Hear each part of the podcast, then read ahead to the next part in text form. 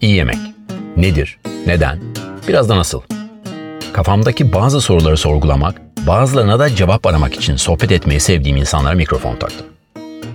Bazen bir ağacın altında, bazen yolda, bazen ise bir şişme botta bile kayıt yaptık. Bu podcast yemeği, keşfetmeyi, doğayı, sağlığı, işin lezzet kadar sosyal, kültürel, politik ve ekonomik açılarını, yemeğin insana olduğu kadar dünyaya ve doğaya olan etkisini düşünenler için. Volvo'nun katkılarıyla. Bu bölümün kaydını müthiş bir doğanın ortasına yaptık.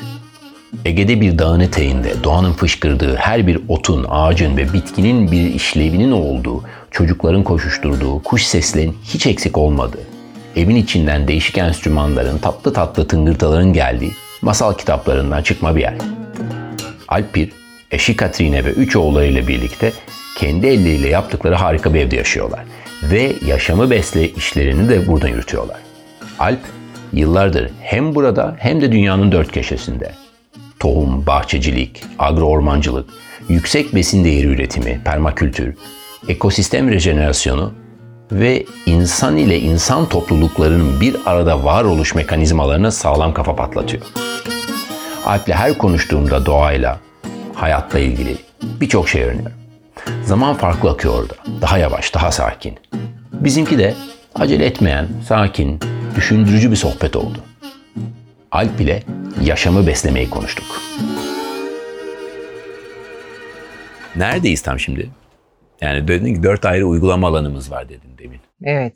Nedir yaptığınız uygulamalar? Çünkü ben hatırlıyorum biz ilk geldiğimiz zaman sonra konuştuk senle. E, çünkü civar köy e, köydekilerle e, veyahut da civarla e, birlikte işte burada yaptığımız uygulamalarının ne kadar etkili olduğunu, şu kadar birlikte ağaç diktiğinizi. Evet, beraber köylümüzle beraber çalışıyoruz. Bizimle beraber olmaya devam eden köylülerimiz var. Kendi köyümüzde başta neler yapmak istediğimizi ve birlikte neler yapabileceğimizi hissettiriyor olabilmek ve birlikte onu görüyor olabilmek. Yani birbirimize bir şey göstermekten çok beraber ne yapabileceğimizi görebilmek. Bunu dört farklı uygulama alanında e, yapma nedenimiz o zaman e, çok yüksek öngörü üzerinden olan bir şey değil. E, buraya ilk geldiğimiz zaman e, hem e, sosyal boyutları iyi inceleyip sık dokumak hem e, toprak ve konum anlamında inceleyip sık dokumak gibi bir e, yol belirlemiştik kendimize. Yani iyi karar verelim e, köklerimizi e, salacağımız yere e, şeklinde. Fakat e, ilk attığımız adımda e, konvansiyonel narenciye üretiminin yapıldığı e, ortamda bir bahçe aldık.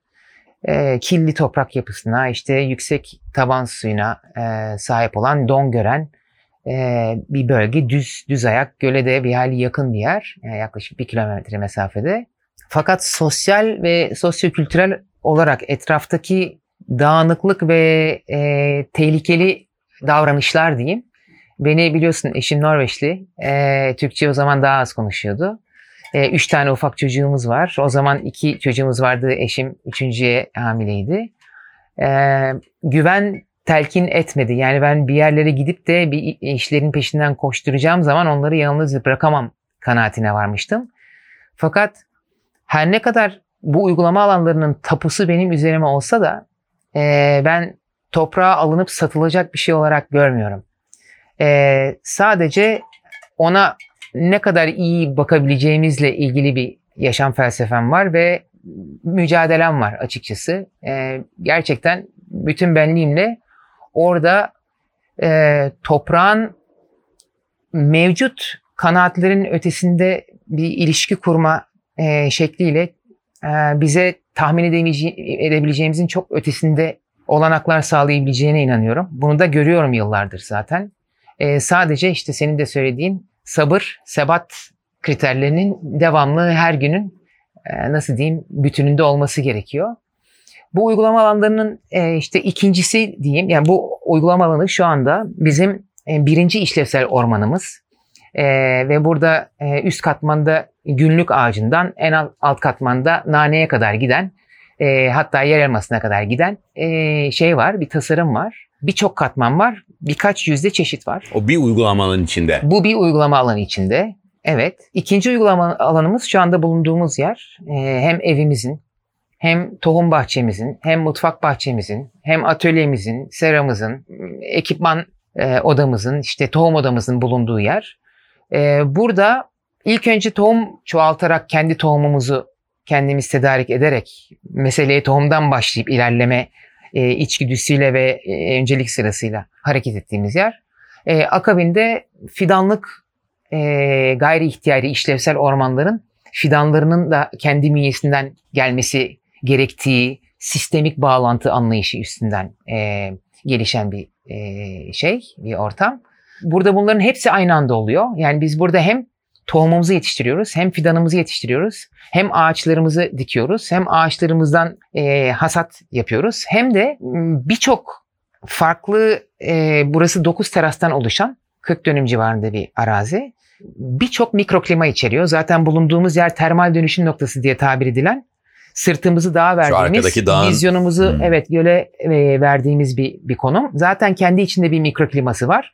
Don çünkü dalga gibi e, hareket eden bir e, olgu. Bu tam yamaçla düşeğin arasındaki e, alana dokunmadan üstten teğet geçtiği için burada doğal bir mikroklima zaten kendinden oluşuyor.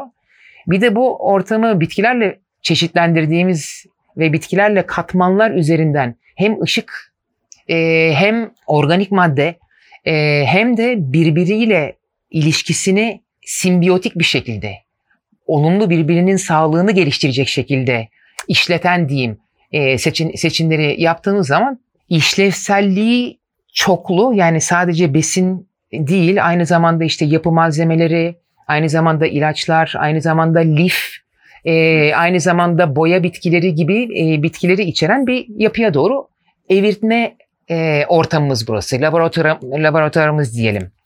Bir diğer uygulama alanımız yine aşağı yukarı 40 dönüm civarında Mars yüzeyi gibi sırf taşlık yazın toprak ısısı 65-70 dereceye çıkan bir uygulama alanımız var. Yine Orası, buraya nispeten yakın. Evet evet buradan bir buçuk kilometre mesafede bir yer. Bu kadar farklı olabiliyor. Bu kadar farklı olabiliyor ve e, çok eski zeytinlerin olduğu bir bölge. Zaten onun için ismi zeytin alanı ama zeytinler zamanında yanmış. O eski çokça asırlık e, zeytinler ve e, o alan tamamen tek sezonluk ekin için kullanılan bir e, ve her sene sürülen bir alana dönüşmüş. Kuraklığın çekildiği, Köyceğiz'de kuraklığın çekildiği bir alandan bahsediyoruz. Ekosistem restorasyon kampımızın yeri de orası. Orası olacak. Evet. Orayı rejenere etmek için yani orayı yaptığımız uygulamalarla Evet şu ana kadar 10 bin civarında ağaç diktik oraya. Ee, ve e, çalışmaya devam ediyoruz. Ve tutuyor. Ve tutuyor. Bu kadar kurak ve sert olmasına rağmen. Evet, evet. Tabii ki oradaki mücadele için ayrı bir seans yapmamız gerekir. Oradaki ayrıntıları konuşmak için ayrı seanslar uzundur. yapmamız gerekebilir. Uzundur. Evet. Dördüncü uygulama alanımızda benim yıllar önce e, annem için e, babam için çok eski, çok bakımsız, çok küçük bir köycizin içinde e, yıkık dökük bir e, eski köyceğiz evi projem vardı. O evi restore edip bahçesi 450 metrekare. 450 metrekarede de bir işlevsel orman kurduk. E, ve çok katmanlı, çok işlevli, olağanüstü güzel. Ve, ve çok bir, verimli bir, herhalde. Ve, ve inanılmaz verimli, fışkıran, içinde yolları olan, e, üst bahçe, bahçe, alt bahçe, evden çıkar çıkmaz e, bir her sezonda farklı çeşitlilikte bitkileri e, elinle kopartıp hemen 5 metre içerideki mutfağına götürebileceğin ve tabii ki e, yerleşim alanı içerisinde olabilecek özelliklere sahip bir işlevsel orman çalışmamız var. Ve bunlar arasında da tabii ki e, bambaşka öğrenme süreçleri var. Yani her e, biri anladığım kadarıyla dör, dördü birbirinden tamamen farklı tamamen sistemler. Farklı. Evet ve bu farklı uygulamalar arasında yani konum olarak farklı olmanın dışında toprak yapıları tamamen farklı. Birisi tamamen kirli, öbürü tamamen milli, öbürü asidik bir toprak, öbürü tamamen taşlı, içinde hiç organik madde olmayan bir, bir toprak ve bunların e, içinde yaptığımız çalışmaların benzer bitki e, birliktelikleriyle gösterdiği e, reaksiyonlarla oradaki çeşitlendirme üzerinden öğrendiklerimiz tabii çok çok yani çarpanları çok arttıran e, bir yolculuk ve şunu söylemeden edem, edemeyeceğim. E, bunu daha önce de söylemek istiyordum. Sadece kaçsın istemem bu söyle, şey konuşmamızın içinden e, kaçmasın isterim. İşlevsel ormanlar bizim ömrümüzde, benim kendim için konuşayım, benim ömrümde veyahut da benim çocuklarımın ömründe ulaşması e, gereken sağlam yerleşik döngüsüne yetişemeye, erişemeyebilir. Yani bundan kastım şu, bizim kullandığımız türler yerini başka türlere bırakabilir. Ve bunu bırakacak da olacak bu. Neden? Çünkü biz sadece florayı değiştirmiyoruz. Florayı yeniden işte canlandırmaya çalışmıyoruz.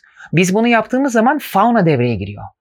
Yaban hayat devreye giriyor ve yaban hayatın ektiği, diktiği türler bambaşka. Yani sana şöyle gösterebilirim. Şu ufak mutfak bahçesinde bile gördüğün Hı-hı. o dut ve incir ağaçlarını kuşlar dikti Mehmet. Sen bir şey biz yapmadın değil. ki. Hayır, onlar dikti. Yaban ve biz hayvanlar onları, onları dikti. Evet, evet. Ve biz onları kaldırmıyoruz ortadan. Onların altında bahçecilik yapmaya devam ediyoruz. Dolayısıyla ormanın içindeki çok katman, çok ışık ve çok farklı besinlere gelen fauna da mesela ceviz dikiyor. Ceviz gelmeye başladı bazı yerlerde.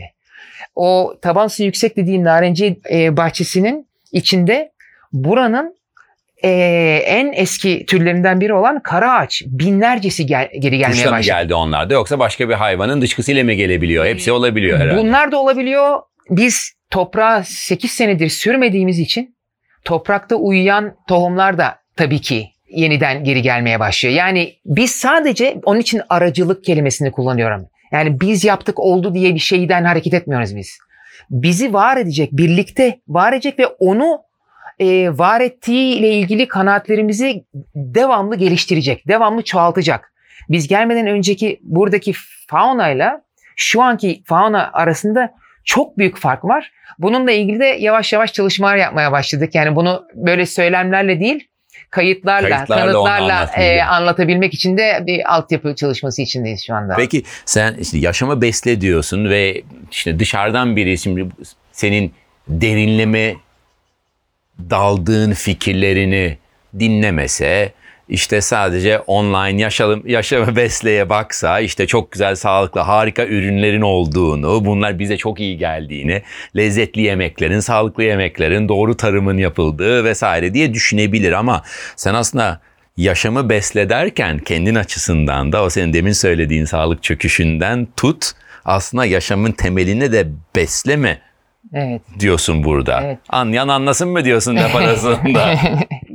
mı? Yanılıyor muyum bunu sorduğum zaman Hayır yanılmıyorsun. Açıkçası seninle beraber konuşmaya hazırlanırken bir parça ifade etmiştim. Kendimizi nasıl anlatacağımız konusunda çok belirgin bir e, yaklaşımımız, belirgin bir yöntemimiz oluşmadı halen. Sadece yaptığımız e, işlerin çıktılarını, ürünlerini, nimetlerini paylaşma aracımız var. Bugünün işte araçlarından bir ikisini kullanarak yaptığımız işte bir web sayfamız var. Bir sosyal medya e, hesabımız var. E, bunlar üzerinden sadece ürün kısmı üzerine bir bir yandan tabii ki niyetimizi, amacımızı kısa da olsa ifade ettiğimiz ama varoluş e, şekil ve yolumuzla ilgili bize yola çıktığımızdan beri bugüne kadar edindiğimiz tecrübelerin oluşturduğu genel fotoğraf, genel resim çok daha derinden ve çok daha boşluğu kalaması denizci tabiriyle kalaması olmayan bir yaşam yaşamamız gerektiğini gösteriyor. Yani bundan kastım ne? Daha somut e, kelimelerle ifade etmem gerekirse bildiğimiz en temel ihtiyaçlarımızın giderilmesi için gereken sistemin derin bir rahatsızlık ve hastalık e, içerisinde olduğu bağlamlara hizmet eden bir varoluşu bizim de beslememiz gerekiyor. Yani oluşumuz parçası olduğumuz sistemin sağlığına aracı olmalı. Parçası olduğumuz sistemin sağlığına aracı olmak ve bizi en sağlıklı şekilde kılmak birbiriyle temelden, e, derinden e, bağlantılı e, kavramlar. Yani ben kendime sağlıklı bir yaşam e, vizyonu oluşturmaya niyetliysem ve böyle bir algım, böyle bir e, düşüncem, hissiyatım varsa bunun parçası olduğumun olduğum bütünün sağlığıyla doğrudan orantılı olduğunu göz ardı etmeden yapabileceğimi e, anlamam gerekiyor er ya da geç. Ve sanıyorum bu, bu, bu, bu tarafta e, biz işte su döngüsünü, karbon döngüsünü, e, yaşamın mevsimlere dayalı döngüsünü e, ana kılavuzlar olarak belirledik. Yani yaşamı beste temeli de aslında buraya Buradan e, evet buraya dayanıyor. Sen, sen hatırlıyorum ben e, iki, iki sene önce aşağı yukarı iki sene önce buraya geldiğimizde ağaçların birbiriyle olan ilişkisinden tamamen işlevsel ormana e, bize anlatmıştın. Benim bilmediğim bir kavramdı doğrudur. Yani sen, se- Evet. senden sonra öğrenmeye başladığım hikayeler onlar ve düşünmediğimiz bu kadar iyi kötü tamam doğaya yakın olan biri olabilirim ve iyi kötü doğanın içinde büyüdüğüm ve ve parçası oldu bir sistemin parçası olduğumuzun çok çok e, farkında olan birinin dahi pek haberi ol pek düşünmediğimiz konular daha doğrusu. Evet. Ba- daha basitçe nasıl anlatabiliriz bunu? Yani birçok insana şimdi bir sürü insan ya umarım bir sürü insan dinliyordur bunu ve ve nasıl anlatırız? Yani işlevsel orman dediğin zaman nedir? Sen işte ileride hatırlıyorum şurada bir yerde bir bitki kaldırmıştın hatırlamıyorum şimdi hangisi. Bak diyor işte doğanın plasentası bu demiştin bana. ne diyor bu ya bu adam demiştim hatta. Yani ve ondan sonra yukarıdaki ağacın öbür ağaçla ilişkisi, o ağacın yerdeki başka bir bitkiyle olan ilişkisini anlatmıştın. Yani nedir? Yani bütün sistemin birbirine nasıl bu kadar bağlı oluyor? Genelde yapılan şey şu. Tarım mı yapacaksın? Temizle her yere, sür toprağa, başta tarım yapmaya. Sen burada hiç öyle bir şey yapmadın. Tam tersine. Her yerden bir şey fışkırıyor. Ve anladığım kadarıyla daha da sağlıklı bir şekilde fışkırıyor. Yani ne yani mesela işlevsel orman dediğin hikaye yani nedir tam? İşlevsel orman dediğim aslında bizim burada olduğumuz süre boyunca parçası olduğumuz bütünle bir ilişki kurma yöntemi olabilir. İşlevsel orman. Yani bırak ormanı dünyadaki en e, gelişmiş enstitü, üniversite ve bilim insanlarını ve bilim dünyasının en gelişmiş araç, alet, edevat ve kapasitesini kullansak dahi biz bir ağaç yapamayız. Bırak ormanı. Dolayısıyla burada bir yine küstah bir insan hüsnü kuruntusu ve işte e, teşebbüsü değil, daha çok parçası olduğumuz bu bütün zaten ormanın dışında bir şey yok. Medeniyet dediğimiz şey yani toplu yerleşik sisteme geçiş, medeniyet civilization, city ile e, doğrudan bağlantılı olarak gelişmiş bir kavram. E, medeniyet şehir yapısı demek. Yani o, organize bir şekilde bütün kaynakların konsantre bir şekilde bizim e, bulunmaya, olmaya karar verdiğimiz çeşitli sebeplerden dolayı ama daha çok arzulara dayalı sebeplerden dolayı güç e, e, odaklarına işte kendi e, yerimizi bütünün içinde değil kendi yerimizi bütünün üstünde ya da bütüne rağmen nasıl gördüğümüzle alakalı O zaman şeyler. aslında senin söylediğine göre medeniyeti biz yanlış kullanıyoruz çoğu zaman. Medeniyetin anlamına. Bak çok medeni insandır ya da bak çok medeniyetin parçasıdır. Yanlış mı kullanıyoruz? Çünkü senin söylediğin tam tersine aslında iyilikten ve alıştığımız medeniyet kavramından çok uzak bir, bir, bir yere götürüyor işi aslında. Yani şöyle söyleyeyim, seninle sohbet ediyoruz neticede. Ee, ben de sorular sorulabiliyor olmalıyım. Öyle zaten. Ee, ve buradaki buradaki temel temel soru şu değil mi sence? Şehir tasarımı bütünüyle bugünün şehir tasarımına ve dinamiklerine baktığın zaman sadece Türkiye'de değil, sadece bölgede değil, dünya çapında baktığın zaman şehir tasarımına genelleştirerek yanlış bir tasarım diyebilir miyiz sence? Bence tamamıyla yanlış bir tasarım. Hı hı. insanın yani insan yaşamına veyahut da herhangi dünya boş ver şimdi gene insan odaklı bakmış oldum bu cevapla. Aslında dünyaya baktığın zaman biz bunun bir parçasıyız ve birkaç senedir buradayız. İnsan yani bizim sen ben değil. İnsanlık X senedir dünyada ama ondan önce çok vardı bizden sonra da çok olacak. Ve şehirler dediğin hikaye aslında bu bütünün parçası olmaması gereken yerleşim alanları veyahut da yapılar diyeyim. Evet. Barajlar da bu böyle, bilmem ne de böyle, o da böyle, bu da böyle aslına baktığında. Evet. Doğru mu? Evet. Katılıyor doğru. musun bilmiyorum belki de katılmıyorsun söylediğime. Evet evet doğru. O zaman da bir şehirleşmeye veyahut da e, şehire medeniyet demek bizim medeniyet kavramı içinde en azından ne kadar doğru. Böyle derler ya şimdi 5 yaşında çocuğa anlatır gibi anlat. Ben genelde bu kavramı kullanıyordum uzun yıllar ama sonra hoşuma gitmemeye başladı. Çünkü 5 yaşında çocuk bizden çok daha açık olabiliyor ve çok daha fazla şey anlayabiliyor. Ama çok basit bir şekilde gerçekten yani yani nedir nasıl ağaçların ilişkisi olabiliyor birbiriyle ee, hep duyarız ya çamın altında hiçbir şey yetişmez onun altında hiçbir şey olmaz onun yanında bilmem ne olmaz diye hep böyle bir birçok zaman negatif hikayeler duyarız işte şunu ayrı tut şu gübreyi ver veya da işte şuna şu pestisidi ver öyle olur ancak diye duyulur genelde şehirliler bunu duyar belki ee, kırsalda yaşayan bunu böyle düşünmez ama şehirli nin anlayacağı şekilde. Nedir tekrar? Tekrar zorlayacağım onu. Yani işlevsel Hı. orman hikayesi. İşlevsel olmayan bir e, orman yoktur tabii ki. Öncelikle onu söyleyeyim. tabii ki onun e, onun başta söylenmesi lazım. İşlev işlevi olmayan bir orman yoktur. Öyle ya da böyle ormanların işlevleri vardır. Teşekkür ederim.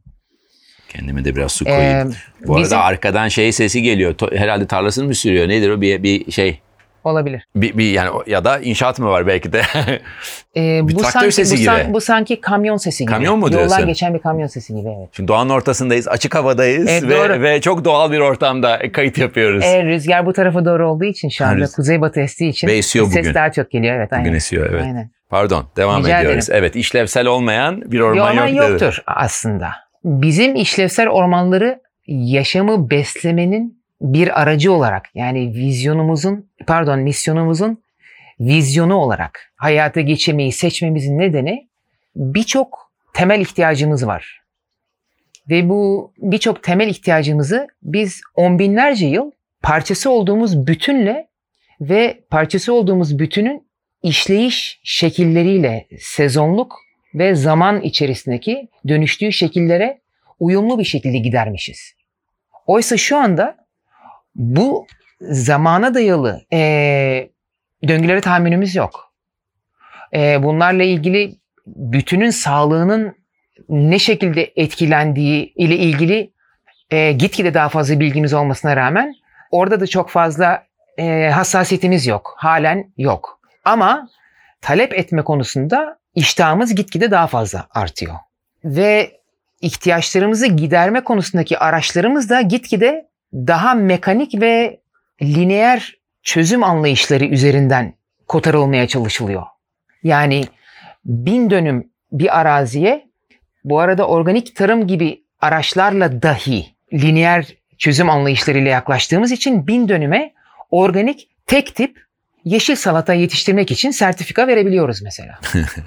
Doğru. Evet. Ee, organik mi organik? Organik mi organik? Endüstriyel organik girdileri e, bünyesinde barınan belli teamüllere göre, belli mevzuatlara göre kabul görmüş bir bağlamdan bahsediyoruz. Ama bu şey gibi e, ben bu örneği veririm açıkçası. Kendim e, bir hayli özdeşleştiriyorum çünkü e, bu örnekle. Eğer bir hırsızlık söz konusuysa ortada, hakimin önüne çıkıldığında müdafaa eğer bundan sonra daha az çalacağım bir e, argümanıyla yapılıyorsa ve bununla beraat ediliyorsa veyahut da e, ceza azalıyorsa ya da bedel azalıyorsa o zaman buradaki e, hukuk sisteminde, buradaki değer yargılarında bir sorun var demek. İşlevsel ormanlar ise burada bir köprüye ihtiyaç var anlayışından e, yola çıkıyor aslında. Yani işlevsel ormanların dinamikleri ve sistematiği, perspektifi, kullandığı araçlar, kullandığı yaklaşımlar ve öğrenip geliştirmeye çalıştığı yaklaşımlar bunlar statik değil. Bu yolculuğun köprü kısmının yani parçası olduğumuz bütünün içinde parçası olduğumuz bütünü e, besleyecek, sağlığını geri kazanmasına aracı olacak ve bunu yaparken de kendi sağlığımızı geri kazanmamıza aracı olacak bir araç olarak bakıyoruz. Dolayısıyla bin döneme yeşil salata e, yapmak yerine organik de olsa, organik sertifikasyonu bir yana bırakalım, organik girdilerle de olsa bin döneme tek tip e, yaptığımız zaman zirai mücadeleyi daha fazla telaffuz eder bir e, ortamda buluyoruz kendimizi zirai mücadele denen şeyi e, doğanın kendi dinamiklerini davet edip o dinamiklerin içinde olarak doğanın neler yaptığını izleme e, yöntemiyle tasarıma dönüştürebilirsek eğer o zaman orada her sene öğrendiklerimizi bir sonraki sene hatalardan aldığımız derslerle iyileştirme e, olasılığını açmış oluyoruz. O hatalardan aldığımız ders hikayesi söylediğin laf bana şey geliyor, önemli geliyor. O kadar sabırsızız ki yani o hatalarımızdan öğrenme, yıllar boyunca onu öğrenme, e, sanki bunu sabredemiyoruz. Onun yerine bir şey spreyleyelim. Birinin söylediği ne yaptığını ne ettiğini bilmiyoruz ama bir spreyleyelim çözelim. Komşu demiş ki işte bunu koyarsan daha fazla verim alırsın. Veyahut da bunu koyarsan bunu spreylersen şöyle olur diye. Çok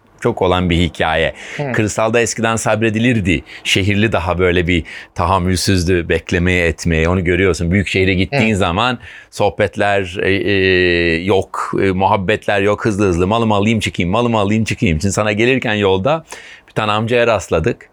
Tanımıyoruz etmiyoruz. Selam dayı dedik. Aa merhaba hoş geldin evladım dedi. İyi tatlı tatlı sohbet ettik geldik. Hiçbir acele yok, hiçbir şey yok. O böyle o yani o zamanının aslında demin bana da yani bize söylediğin o demin ya yavaşlayın şöyle bir, bir, bir temponuzu rahatlatın hikayesi de biraz buna da bağlı. O öğrenmeyi, evet. sabretmeyi, öğrenmeyi evet.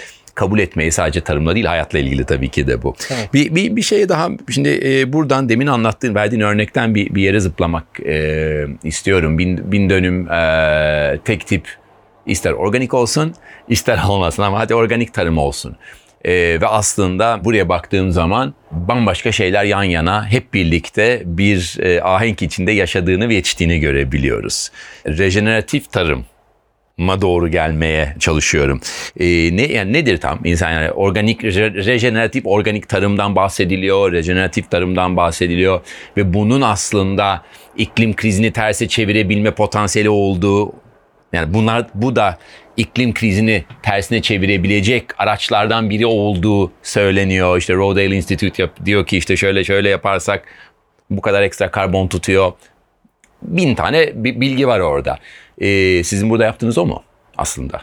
Yoksa nedir tam? Ee, nasıl, nasıl anlayalım bizim, bunu? Bizim burada yaptığımızın rejeneratif tarım gibi bir başlık altında yer bulabileceğini düşünüyorum evet. Ama rejenerasyon yani sağlığa dönüş bence ölümü değil sağlığı seçmek. Ölüm zaten yaşamın olmazsa olmazı, bütününün bir parçası. Fakat rejenerasyonun olabilmesi için yani bizim rejenerasyonun aracısı olabilmemiz için şu anda rejenerasyonun aracısı olduğumuz söylenemez. Daha çok yok oluşun aracısı konumunda gibi gözlemleyebiliriz kendimizi. Bizim rejenerasyonun aracısı olabilmemiz için bizi rejenere edecek başta bireysel olarak, sosyal olarak rejenere edebilecek olan unsurların temeline inmemiz lazım.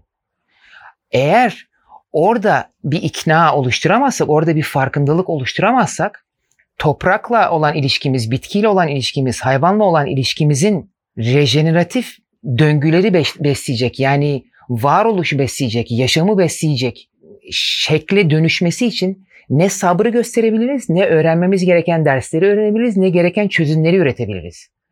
Çünkü meselelere senin de biraz önce bahsettiğin gibi fazlaca kısa yoldan çözümlerle ulaşmaya çalışıyoruz. Yani ona bakarsan Potsdam Üniversitesi de geçen hafta bir rapor yayınladı. Doğal döngülerin 8,5-9 yıl civarında bir ömrü kaldı şeklinde bir sonuçları. Evet. Yani bu mevcut kıstaslar içerisinden hangi kıstaslar esas alındı? Ne oluyor sonunda? Ee, bitiyor. Yani bitiyor derken tabii doğal döngülerin bitmesi söz konusu e, değil bence. Öyle bir şey olmayacak ama insan medeniyetinin e, Medeniyet, e, göreceli e, medeniyeti. E, göreceli evet. medeniyetinin süre gelmesiyle ilgili ekolojik döngülerdeki çöküşlere paralel çöküşler yaşanacak. Çünkü bu parçası olduğumuz bütün diye ifade ettiğim başından beri olay aslında bir e, yaşamı sağlayan, yaşam döngülerini sağlayan bir ağ yapısı. Bu ağ yapısını oluşturan bireylerin kendi yaşam döngüleri zayıflıyor veyahut da bunlar içerisinde her gün yok olan bireyler var aynı zamanda. E, ve bu ağ tabii ki bu bireyler yok olsa bile belli bir süre kendi ağ görevini, taşıma görevini e, yapmaya devam edebilecek. Ne zamana kadar? Üzerindeki ağırlığı çekemi, e, çekememe e, noktası gelene kadar. Yani şu andaki ağırlığı halen mevcut ağ kaldırabiliyor. Ama o ağ sürekli inceliyor. Ve ağırlık sürekli artıyor. Yani ters orantıda ilerleyen bir e, dengeden, bir döngüden bahsediyoruz. Dolayısıyla rejenerasyon adı verilen ve yine kurumsallaştırarak yaklaşmaya çalıştığımız mesele kurumsallık üzerinden gerçekleşemez benim e, Çok düşüncem ve benim değer, başlanan bir terim değil mi şu an? Neredeyse moda terim olmuş şu an. Rejeneratif zaten- şu, reje- rejeneratif bir ara. Yani sürekli böyle bir işte sürdürülebilirlik moda oldu. Yok bilmem ne moda oldu. Şu an en böyle popüler kelime de aslında rejenerasyon. Rejeneratif tarım, reje- yani tarımdan dışında da birçok konuda hep bu konu kullanılıyor. Yalnız e, yani bizim Bu meseleye zarar verir mi bu kadar pop kültürü olması da? Sence? yani ş- şöyle bir şey geliyor aklıma, şöyle bir cevap oluşturmak geliyor aklıma.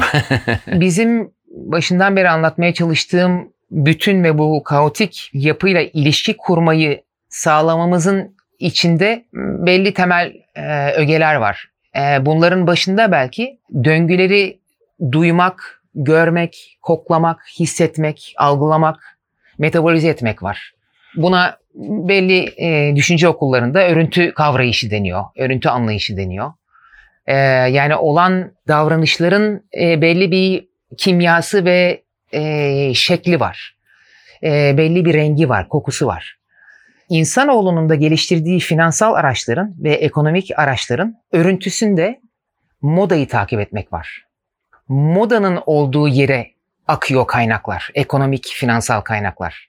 Ve bu kaynakların akmaya belki de en fazla ihtiyacı olan alan burası olduğu için nasıl yorumlandığı üzerinden yani şimdi bırak bin dönümü milyonlarca hektarın tek tip ağaç dikimi üzerinden karbon piyasasına dönüştürülmesi, evrilmesi e, olgusu da biraz buna bağlı. E, bunu kastetmiyoruz. Yani işlevsel orman e, veyahut da işte yaşamı besle diye kendi e, işte yaşam felsefemizi oluşturduğumuz kavramlar belli sınırlı ölçülebilir kriterlerin ötesinde bakabilmeyi ve onlarla çalışabilmeyi göze almayı gerektiriyor. Bu şu demek değil tabii ki. Hepimiz bunu bu şekilde yapmalıyız. Hayır. Tabii ki geliştirdiğimiz araçları hepimiz en iyi şekilde geliştirmeye devam etmeliyiz. Ama bu en iyilik kaotik bir anlayışla harmanlanmayı ve bireysel e, samimiyeti ve toplumsal samimiyeti içeriyorsa ihtiyaç duyduğumuz çözümleri üretebilir. Yani bir rakam belirlenebilir. İşte iki buçuk trilyon ağaç dikilirse toprağa bağlanan karbon işte e, iklimde e, ihtiyaç duyulan ısı e, düşüşünü sağlayabilir. İşte ne bileyim e, havadaki e, karbon miktarını azaltabilir gibi. Bunlar olabilir de. Ama temel çözüm yani Ama çö- bu sefer çözüm ve Bu sefer onu yapan mekanizmaların diğer bilimin mekanizmayı bünyesinde tutmadığı için üreteceği, paralel olarak üreteceği başka sorunlarla karşı karşıya kalınır. Buradan acaba oraya kadar yetişip kapıyı tekrar çarpmaması için kapatabilir miyim sence? Kap- kapandı. Ha, ama açılacak. Yok, dur. açılacak yine. Hah, Tamam dur. tamam. Şöyle yaptım Tamam, kalktım tamam, ben oldu. de. Oldu. Bunu da bir metafor olarak kullanabilir miyiz Tabii acaba? ki. Kapıyı kapatmak. kapıyı, kapıyı kapatmak. Başka bir kapıyı açmak. Evet. e, rüzgarlı bir gün. Şimdi bana şey atmıştın, bir, bir, bir e, mesaj atmıştın bu e, restoration camp ile ilgili. Tabii Evet. ki pandemide gidip gelen olmadı pek herhalde. Daha kamp organize etmedik ondan dolayı. O yüzden de mi? Evet. Nedir o? Dünyada birkaç yerde var anladığım kadarıyla. Yani ben de girdim baktım gönderdiğin hikayeye. E, işte Ecosystem Restoration Camps değil mi? Türkiye'deki veyahut da aslında bu bölgede de çok fazla yok. Türkiye'deki Evet. e, yeri burası. Doğru mu? E, ş- ilk İlk. kampı Kasım ayında biz organize edeceğiz. Evet. e, Bu Kasım'da Eko- mı olacak Bu bu? Kasım'da olacak. Nedir? Eğer eğer bir aksi bir gerçeklikle yine karşılaşmazsak. Ama tabii çoğalmasını temenni ediyoruz. Nedir? Ekosistem restorasyon kampı e, öncelikli olarak daha derin kazı yapma, daha çok yönlü öğrenme ve öğrendiklerimizi aksiyona dönüştürme ortamıdır. Farklı e, ortamlardan gelen, farklı e, mesleklerden gelen insanları bir araya getirip toprakla ilişkilerini sorgulamalarını, temel yaşam kaynaklarıyla ilgili iliş- e, ilişkilerini sorgulamalarını, kendileri ve birbirleriyle e, parçası oldukları sosyal bütünle ilgili ilişkilerini sorgulamalarını sağlayacak ve aynı zamanda hem bulunduğumuz coğrafyanın özelliklerini e, ve bu coğrafyada bizim yaklaşık 10 senedir üstünde çalışmakta olduğumuz 4 farklı uygulama alanında yapmaya çalıştığımız işleri görebilecekleri e, hem de bu coğrafyanın hem bizim ekibimizin tabii ki fertleriyle hem de e, yerel köylüsüyle tanışıp hemhal olabilecekleri e, ekosistem restorasyonunun ne olması gerektiği sorusu üzerinden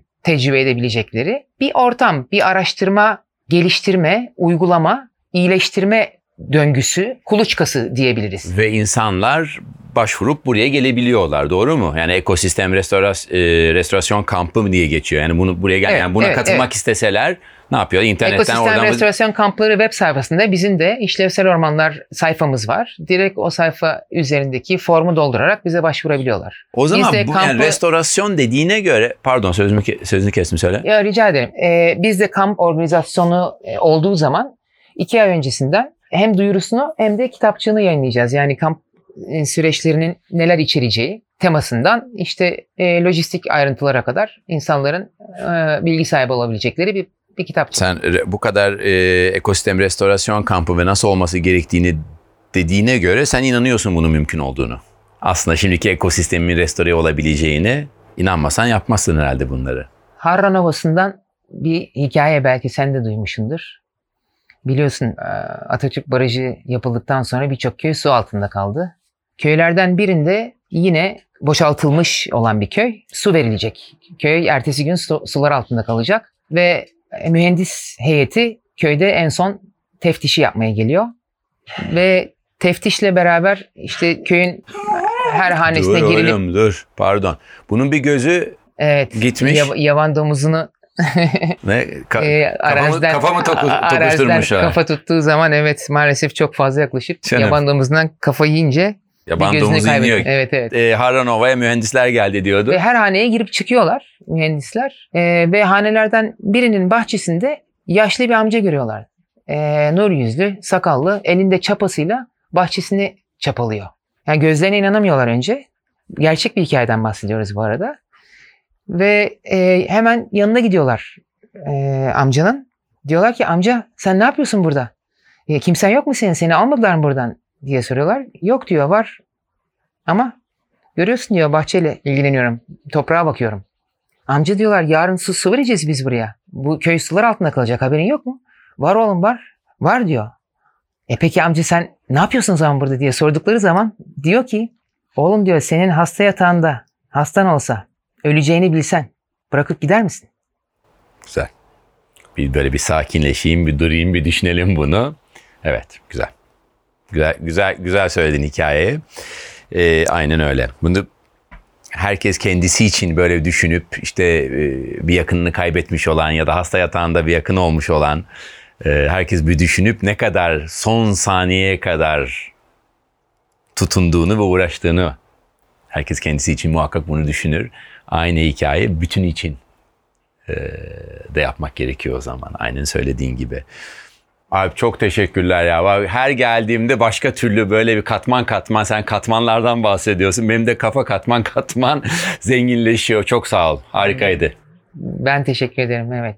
Sağ ol zaman ayırıp bu meseleye e, önem verdiğin için, değer verdiğin için.